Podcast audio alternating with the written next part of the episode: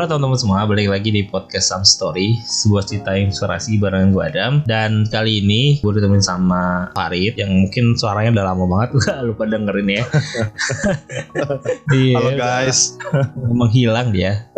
Jadi sesekali dia akan nemuin gue Di kali ini mungkin kita akan membahas sesuatu yang baru ya. Kalau kemarin kita seasonnya season 3 Membahas soal menulis Bukan soal menulis kita udah bahas Menulis dari berbagai sudut pandang ya. Dari yang ringan sampai berat banget kemarin yang menulis untuk melawan itu itu benar-benar menguras pikiran gue untuk bahas itu ya. Cuman mudah-mudahan teman-teman dapat insight. Dan di kali ini tema besarnya adalah tentang globalisasi budaya. Jadi kita setelah kita meeting apa ya yang sesuatu hal yang mungkin ini ya Rit ya yang benar-benar beda lah ya. Iya. ah, gak kepikiran juga gitu orang tentang ini Tapi gitu. yang mau kita bahas juga hari ini Kayaknya hampir semua orang juga pasti ngalamin lah ya. Iyalah pasti. Apalagi ah, ya nggak? Ya nggak? Nggak mungkin lah kan? Ah, ah, Lo ya. nggak nggak pernah. Mau lo mau gue remaja Ah, gitu. ah, ah, ah. Dan kali ini tuh banyak banget juga sebelumnya sebelum jauh jauh banget sebelum podcast ini kita recording gitu ya kita udah berdua bener-bener sering banget ngebahas soal ini ya tentang gaya hidup remaja zaman now nih Rit ya. Yo, iya bener banget. Menurut satu lo- hal yang menurut gua gimana ya bisa dibilang ini nih menjadi salah satu keresahan gua lah ibaratnya.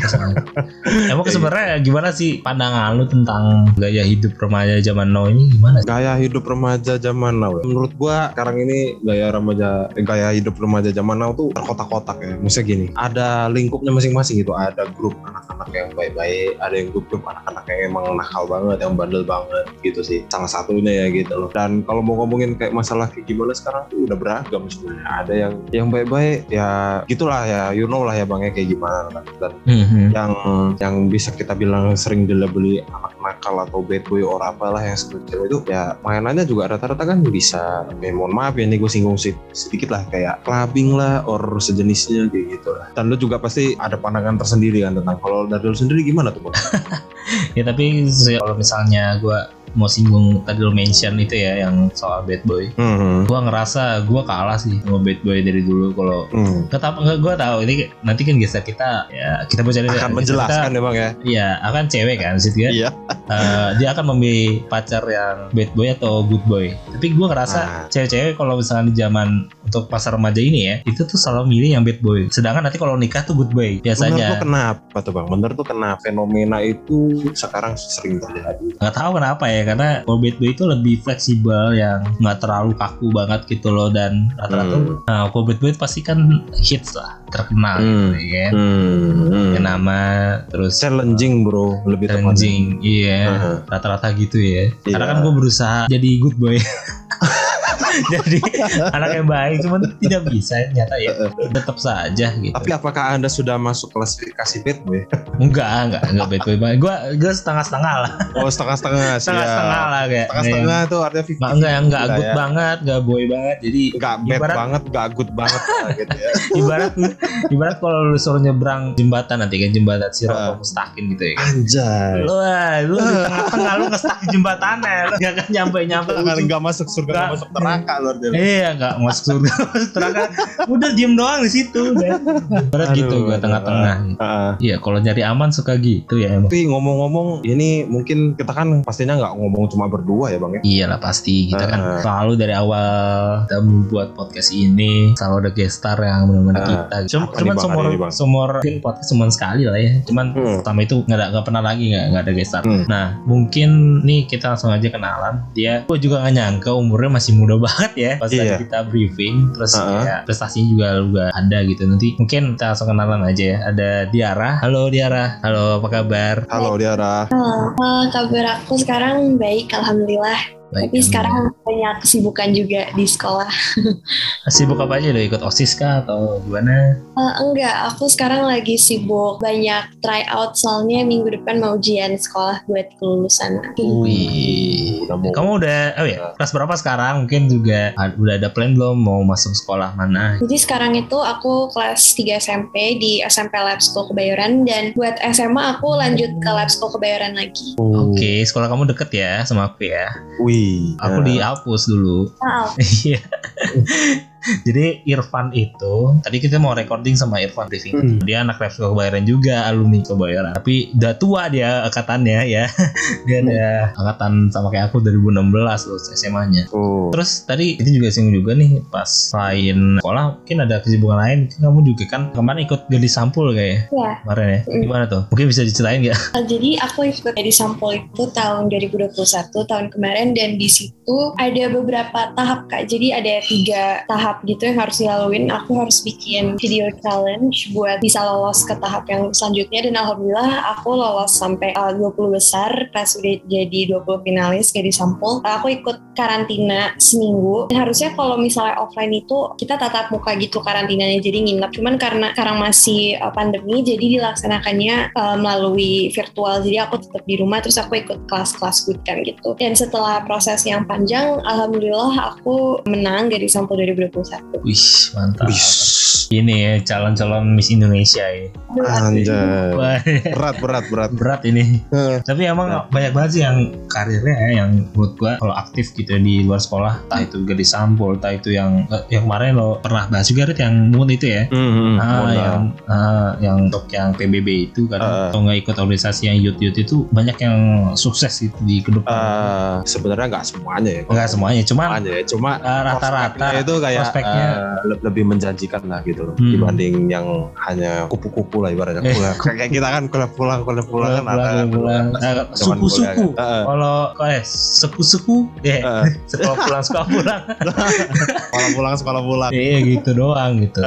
Bagus lah ke depan. Tapi ada plan ya nanti ikut kayak apa lagi nih setelah jadi sampul? Aku untuk sekarang belum ada plan lagi buat ikut kompetisi semacam jadi sampul yang kayak beauty pageant gitu. Cuman aku plannya SMA mau lebih aktif di sekolah. Aku mau ikut ekskul dance lagi, mungkin ikut lomba-lomba, terus kepanitiaan udah gitu pengen lebih aktif di modeling juga. Ikut-ikut ya, organisasi terus volunteer volunteer juga banyak sih. Iya. Iya, kan pasti ini banget sih. Soalnya di tim aku juga banyak sih yang kemarin masih SMP, masih SMA gitu daftar untuk ikut jadi volunteer di tim podcast. Hmm. Terus mungkin kita langsung nih kan karena kamu kan misalnya kita mengundang yang tepat gitu ya, ya remaja gitu kan Iya, sekarang remaja zaman now ini kan. betul.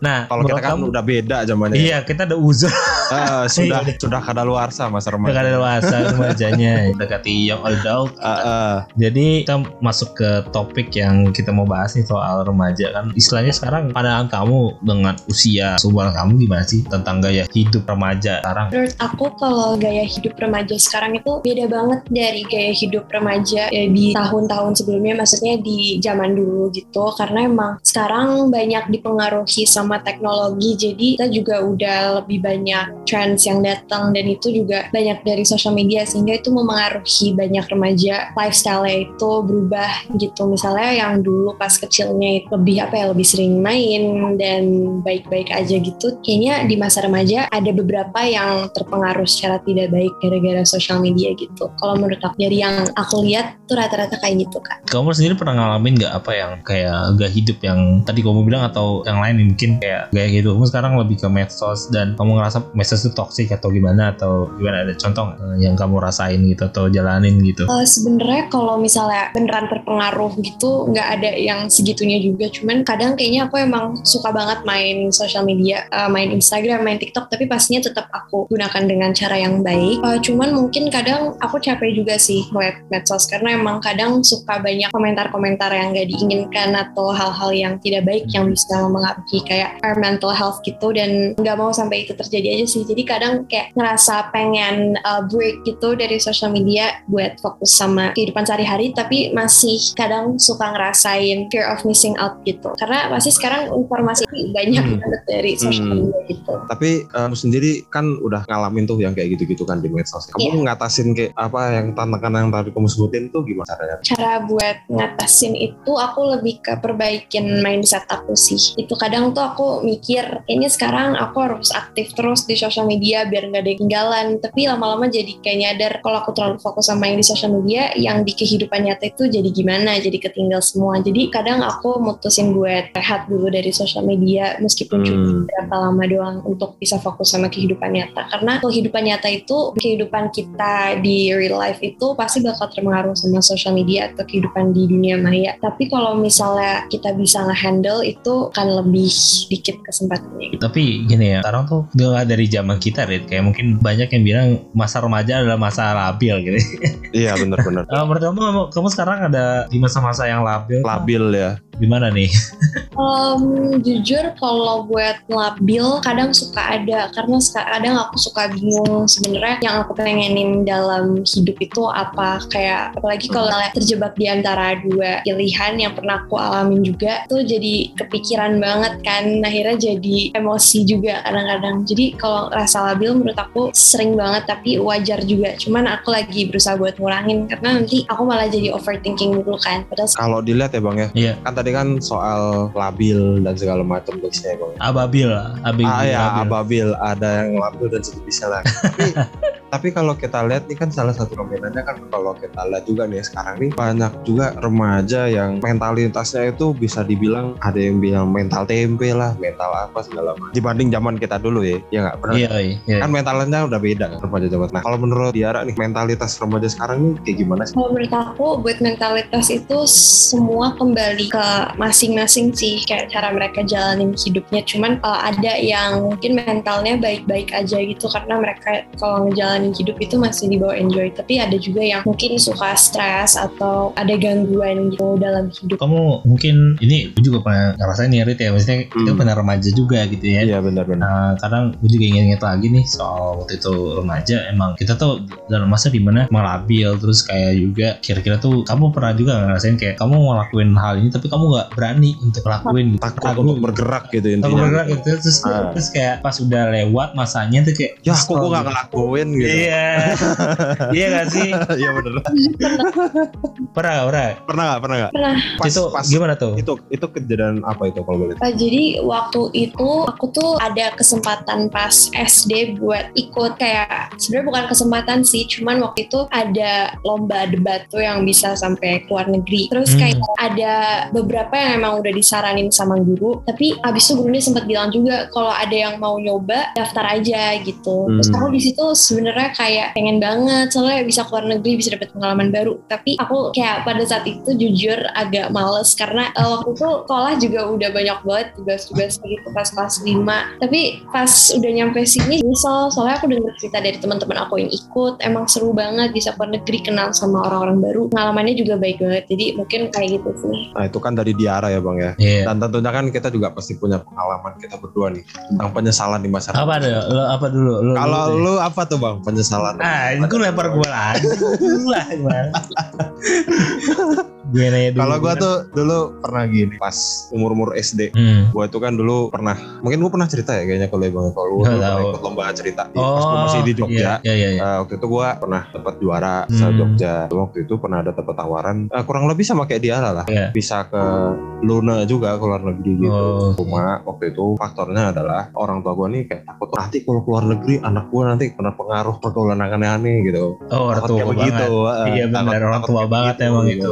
Nanti anak gua kena pergaulan bebas lah kayak gitu Iya. macam-macam gitu. Bisa nggak hidup mandiri gitu. Iya, Ah, ah, bisa nggak hidup mandiri? Apalagi kan anak gua masih SD nih gitu. SD Dan- itu, dan akhirnya terus. waktu itu kan tol banget ibaratnya pengen banget cuma gara-gara orang tua gue akhirnya gue nggak berani gerak akhirnya pas diinget-inget lagi gitu ya flashback aduh kok waktu tuh kagak Hmm. berani gitu nggak bergerak gitu Hmm. gitu sih kalau dari gue bang Iya, kalau gue penyesalan banyak ya. iyalah ya. iya, nah, nama hidup pasti penyesalan Nah, banyak. Cuma nah kalau misalkan mau soal kayak gitu ya, ya pesan gue tahu ya, misalnya ada yang soal percintaan ada, tapi kalau Hmm. yang lebih positif ya, kalau percintaan Hmm. biarin lah, berlalu Hmm. gitu. aduh Ya. percintaan dong iya, iya. gue jadi ingat waktu gue SMP, SMP, iya SMP, Hmm. kalau nggak salah apa SD gue lupa jadi tuh gue pernah dulu kan bokap gue ini uh, ikut di manajemen salah satu nasid ya namanya nasid nada nah Nah, Hmm. Nah, dari situ gue bisa dapat makanya koneksi ke musisi-musisi atau orang-orang yang ya itu lah ya mantap-mantap lah ya Hmm. gitu dari situ terus waktu itu gue main yang baru meninggal kemarin tuh Arsin Panegoro Hmm. Gua- kita diundang ke rumahnya nonton Dwiki Darmawan untuk tampil Mas Dwiki kan dulu eh, kemarin tuh sempat jadi ketua AMI ya AMI Award Hmm. Nah, terus gue tawarin tuh mau nggak ini ikut kelas eh, musiknya Dwiki Darmawan Oh gitu. Ah, tuh gue nolak. Nah, waktu itu gue masih pengen jadi pemain bola waktu itu, makanya Oh, lu sempat ikut ikut. SSB nih ya? ikut SSB. Dan gue lebih prefer ikut ya ikut SSB jadi pemain bola. Walaupun setelah itu gue ikut ikut les drum waktu itu gitu. Cuman berapa bulan doang sih, cuman sampai gue dibeliin drum sampai gak kepake sih gue jual lagi gitu. Iya, sampai sekarang ada ya apa piano juga gitu di rumah gue masih gak kepake juga. Jadi penyesalan sih karena gue pada akhirnya kan sebenarnya ada tertarik juga di dunia seni itu karena gue suka uh, ngulik-ngulik Hmm. dan gue kepikiran gimana penyesalan gue sekarang gue pengen karena gue ngulik lagu terus kayak bisa nggak ya gue nyetain lagu terus jadi produser karena itu pengen banget Oh. gua akhirnya nyesal juga sih Hmm, itulah penyesalan seorang Adam Rizky ya. iya apalagi waktu zaman sekolah gitu ya cewek-cewek tuh selalu rata-rata ya nggak ini Hmm. apalagi nggak nggak nggak bisa pukul rata gitu. Nah teman gue yang ngerayu eh, rata-rata bisa main anak band atau bisa main band gitar lah minimal. Hmm. Dengan gue nggak bisa jadi Oh, pelan juga. Gitu Rit. ya. Nah mungkin eh, balik lagi ke Tiara nih kan faktor-faktor yang menurut kamu mempengaruhi gaya hidup remaja itu apa? Nah, mungkin tadi kan sudah disinggung kayak medsos gitu. Selain itu apa lagi? Kalau selain medsos itu kayaknya mungkin tadi yang aku bilang sih yang umum banget menurut aku itu fear of missing out. Sekarang kan FOMO. bang FOMO eh, yang Ah, banyak banget sekarang di TikTok terus di Instagram tapi terutama di TikTok banyak tren baru gitu yang datang. Iya. Jadi mungkin orang jadi kayak takut ketinggalan gitu. Oh iya.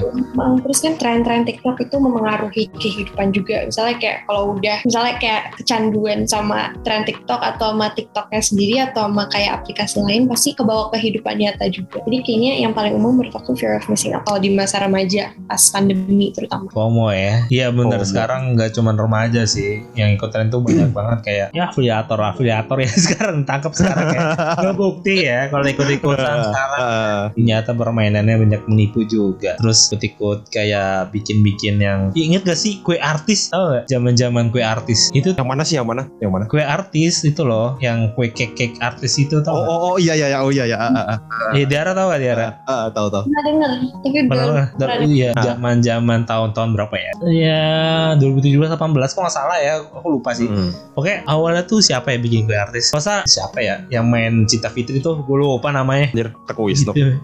Ya ya Teguh Wisnu dan keluarganya lah ya. Itulah ya. Eh, kesebut. Nah, itulah. Nah, mau maaf ini emang begitu faktanya. Ah, Kan bikin artis tuh struggle kan awalnya. Terus lama-lama ikut lah uh, ada Raffi Ahmad lah siapa bikin Hmm. semua Ruben lah semua bikin eh, tuh. eh, eh. Ya, artis-artis lah ya kan. Ah, Namanya kan artis, ah. orang-orang juga tahu ya namanya Hmm. artis ya. Siapa yang nggak tahu? Mereka yang nggak tahu kita. Iya.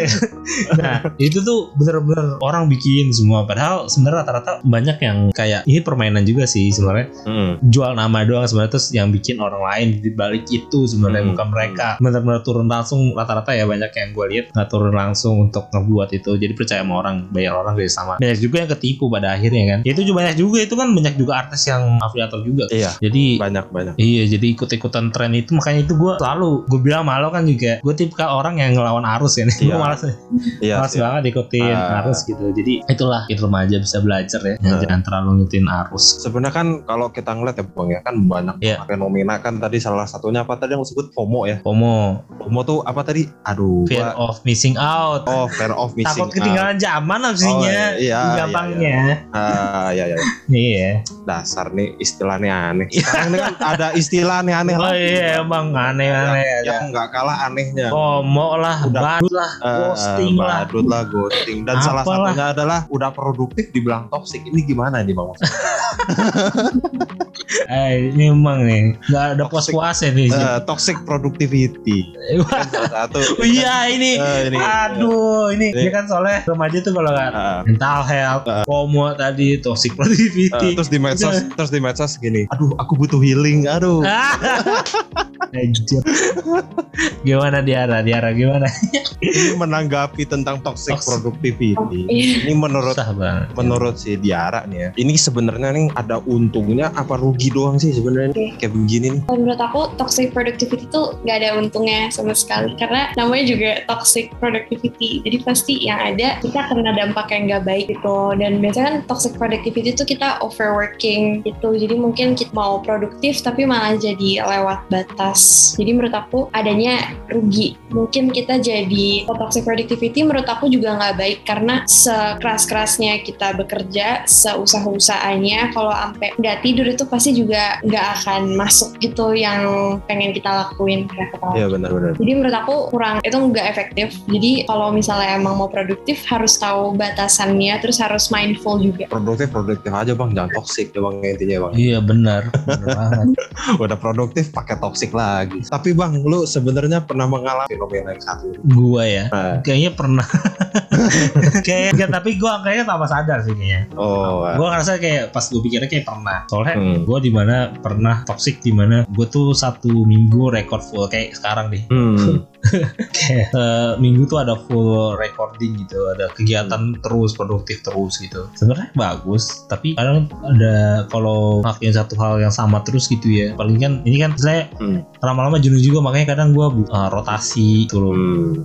kadang gue pengen iya benar-benar kan rata-rata di podcast ini kan yang bawain tuh pasti gua sama rotasi siapa gua sama siapa gua sama siapa ganti-ganti kan gitu ya nggak pernah yang kayak sama contoh lo sama ini lo sama ini lo sama ini jadi kayak Eh. rotasinya belum jalan Hmm. Jadwal juga ya yang lain sibuk banget sih. Dan sedangkan gue yang fleksibel dan gabut. Kalau nggak nggak apa ngapain gue nggak Eh. tahu. Tapi kadang gue ngatasinnya biar nggak terlalu jenuh ya. Biasanya tuh gue liburin seminggu recording terus kayak gue lebih banyak kayak nonton atau ngelakuin hal lain. Nggak mikir tentang podcast terus gitu loh biasanya. Biar nggak toksik banget. Kayaknya habis recording kadang gue langsung main game biar relax lagi karena gue.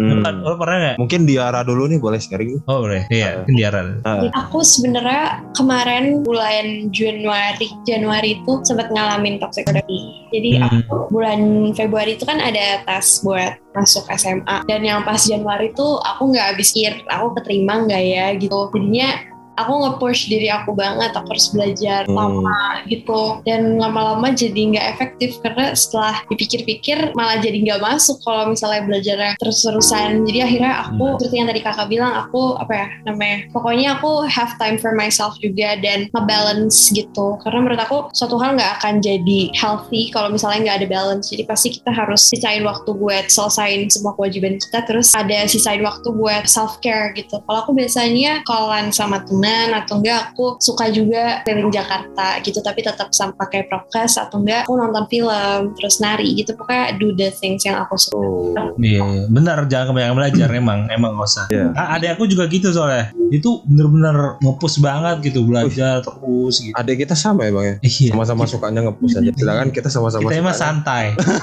itu santai aja. Terus nanti ah. juga biasanya kita sistemnya gini di arah belajar Ah. SKS. hmm. Ngebut semalam. Semalam Iya, karena kadang kita tuh belajar sebelum ujian tuh setengah jam gitu lebih masuk dibanding kita Iya. belajar tiga jam gitu. Hmm. aku pernah Oh iya, pelajaran apa tuh? kayak bukan yang kayak susah sih Nah, itu seni budaya ya belajar elah, seni Oh, budaya seni mah budaya. ngapain dipelajari seni Nggak usah budaya mah dipraktekin. Seni dipraktekin aja seni Iya, Lukis, belajar. lukis, lukis. Makanya gue bingung loh, apa kok se- seni budaya prakarya tuh ada ujiannya bingung buat teori. bingung juga Iya kan? Iya. Oh, olah- olahraga kamu ada nggak? ada Ada juga. Kalau olahraga masih asik bang, Iya, masih olahraga. asik, Masih masih asik. asik. Kalau Teorinya kalau masih asik. main bola gitu kan. kurang Iya, suka Oh iya nggak tahu. Iya. Tergantung orangnya sih. Eh, tergantung orang. Tapi kita paling cowok-cowok ya. Kalau mau nanti ke depan punya anak gitu, pasti kalau apalagi anak cowok, Hmm. pasti di antara kalau dia males, nilai itu pasti yang bagus cuman olahraga, musik sama ini tadi seni. pengalaman lu ya bang. ya? Iya. Atau kan emang kalau pelajaran tuh nggak terlalu harus terlalu banyak sih Tapi kalau di arah sendiri pelajarannya yang paling bagus apa? aku. Paling bagus bahasa Inggris. Oh, waduh tidak kaget sih. iya Eh, tadi mungkin ini ya soal produktif yang toksik itu lah. oh ya Eh, udah tadi udah, produktif. terjawab sih sebenarnya Eh, dia udah ya kita tahu ya eh, ngalamin soal toxic positivity eh, ini ya eh. Terus masih soal gaya hidup juga nih. Ada gak sih yang gaya hidup remaja zaman now yang dapat jadi contoh generasi yang akan datang gitu? Menurut aku yang dapat dicontoh pastinya kita harus aktif karena aktif di hal-hal yang sesuai dengan passion kita. Kayak misalnya aku sekarang aku passionnya nari kan jadi aku ikut ekskul nari di sekolah. Udah gitu aku juga sering bikin video nari bareng sama teman-teman aku gitu. Dan kalau misalnya emang suka kepanitiaan juga bisa aktifin terus. Misalnya ikut osis atau ikut kepanitiaan di sekolah ataupun di luar sekolah. Pokoknya lakuin hal-hal yang sesuai dengan passion kita karena itu berarti kita aktif dan itu bisa bermanfaat juga buat masa depan kita. Misalnya mau masuk ke dunia kerja kita udah ada pengalaman gitu di hal-hal yang tentu tapi pastinya harus tahu batasan juga jangan terlalu maksa buat terus-terusan kerja gitu seperti yang tadi toxic productivity itu karena nanti bakalan jadi stres dan kesehatan kita juga terpengaruh baik kesehatan fisik atau kesehatan mental itu sih kak intinya aktif tapi ada balance-nya juga Iya iya iya. iya. Iya, iya. Bener-bener harus fokus sih dengan passionnya sih ya. Iya, ngomong-ngomongin soal generasi muda nih. Iya. Kita tahu lah dari dulu sampai sekarang generasi tua itu selalu ngomong generasi muda itu adalah top of the core bagi tonggak bangsa kita. Wah, Iya. Kalau Itu- bisa dibilang generasi-generasi tua yang udah hopeless eh, sama generasinya sendiri sebenarnya. eh, gitu. Kan pada ngomong Iya. 20 atau 35 tahun lagi mereka yang akan memimpin bangsa ini. Tapi Iya. fakta dan realitanya apakah seperti itu? Hmm. gitu kan? Dan menurut Tiara nih biar sesuai dengan harapan-harapan mereka yang mengharapkan generasi zaman sekarang ini bisa lebih maju ya ibaratnya mindset apa sih yang mesti ditanemin nih buat generasi zaman now? Kalau buat mindset banyak yang harus diterapin kalau emang kita mau menuhin hal-hal yang dibilang sama generasi sebelumnya. Tapi menurut aku yang paling penting itu kita kerja keras sih, kerja keras. Menurut aku em, hasil itu pasti hasil tuh nggak akan terlalu dipengaruhi sama kerja keras karena kalau misalnya kita kerja keras nggak belum tentu hasilnya baik bisa jadi emang belum rezeki mungkin tapi pastinya nggak ada salahnya buat nyoba dari awal. Jadi buat bisa jadi generasi penerus bangsa yang baik kita harus always work hard terus put effort in everything we do dan pastinya harus niat juga. Hmm, oke. Mungkin ya nyambung dari mindset yang harus dimiliki oleh remaja zaman now. Sebenarnya hal worth apa yang harus dilakuin sih di masa remaja? Um, kalau menurut aku di masa remaja pastinya kita jangan terlalu maksain buat buat selalu bisa sibuk tuh maksudnya kan kalau misalnya sekolah mungkin kita banyak hal yang harus dipelajarin menurut aku harus ada balance ya karena kadang ada orang yang tadi nggak tahu batasan gitu jadi akhirnya dia belajar belajar terus sampai mungkin stres menurut aku harusnya nggak kayak gitu karena kalau misalnya orang mikir itu baik aku malah jadi dia nggak healthy gitu kan. Jadi menurut aku kita harus enjoy masa remaja kita Uh, karena belum tentu nanti pas kita udah gede pas kita de- udah dewasa kita masih bisa kayak sekarang. Karena pas udah dewasa mungkin uh, tanggung jawabnya juga lebih banyak. Jadi menurut aku uh, di masa remaja spend it well use your time well juga. Jadi banyakin quality time sama orang-orang yang kita sayang dan lakuin hal-hal yang kita suka tapi tetap balance sama kewajiban kita itu juga jangan sampai ditinggal. Pokoknya semuanya harus balance harus seimbang. Jadi memang kesimpulannya memang bisa aku tangkep nih ya untuk generasi zaman sekarang itu yang penting adalah intinya tetap fokus dengan apa yang kalian suka, de- eh, passionnya gitu ya dan tujuan kalian untuk di masa depan itu seperti apa begitu. Ini perspektifnya juga gue bilang sih dapat banget kan Nah. remaja gitu ya. Hmm. Sedang kita mungkin perspektif dari segi sudut pandang yang pernah remaja. Oh, iya. Dan kita juga harus tarik kesimpulannya dari eh tarik eh, mindsetnya dari yang remaja yang sekarang Iya, dong, iya. ya kan ya. Kayak Tapi menurut kan lo gimana kan nih? Beda. Episode kali ini gimana nih menurut lo uh, simpulannya? Kesimpulannya sih kalau yang gue tangkap nih dari pembicaraan kita adalah intinya sebagai remaja zaman now ya kalau menurut gue sih kita tuh intinya harus tetap fokus mengerjakan apa yang menjadi passion kita ke distract lah intinya terhadap sesuatu yang nggak terlalu penting sih karena kan sebenarnya kalau dari tadi yang kita omongin kan intinya bahwa medsos-medsos ini kan dipenuhi banyak hal yang nggak penting sih benar nggak? Iya banyak Ya kan? banget sih. banyak nggak penting istilah-istilah aneh-aneh yang sebenarnya membuat membuat kita menjadi insecure. FOMO lah toxic productivity lah or whatsoever lah gitu intinya. Dan Oh. itu kan akhirnya muncul lah istilah-istilah mental health healing lah segala macam. Padahal kan sebenarnya tanpa medsos pun juga kita fine fine aja sebenarnya gitu. Gitu sih. Dan kita jangan terlalu ngikutin apa ya bang istilahnya? Arus lah. Harus eh, arus kehidupan orang kayak gimana kita ikutin. Jangan. itu sih kalau kesimpulan dari gue. Ditambahin ya tadi Eh, eh. mungkin simpulannya baik lagi gaya hidup zaman ini tergantung dari kita sendiri diri kita sendiri gitu ya Hmm. lo mau arah ke mana dan lo mau ikutin yang mana jadi pintar-pintar sih filternya ya apalagi banyak yang banyak informasi yang lo filter karena ibarat jaga sekarang di jalan bahaya deh teh Iya. Gue sering banget dapetin kayak orang tuh yang teriak maling tuh terus dikejar main gebukin terus tau-tau bukan maling ya kan iya banyak banget tuh di berita-berita gitu terus iya kan itu itu benar-benar Ya. bahaya banget sih sekarang iya benar-benar lo iya apa ya nggak boleh terlalu bisa gampang menerima informasi yang belum tentu itu Eh. benar dan lu percaya gitu. Hmm. Hoak. kayak hoak Hoak, hoak. Ah, hoak. Oke. Nah, kalau ada teman-teman nih yang mungkin mau nanya-nanya atau mau ngikutin kegiatannya uh, Diara atau juga mungkin Diara juga boleh share sesuatu yang lagi kerjain project ke depan.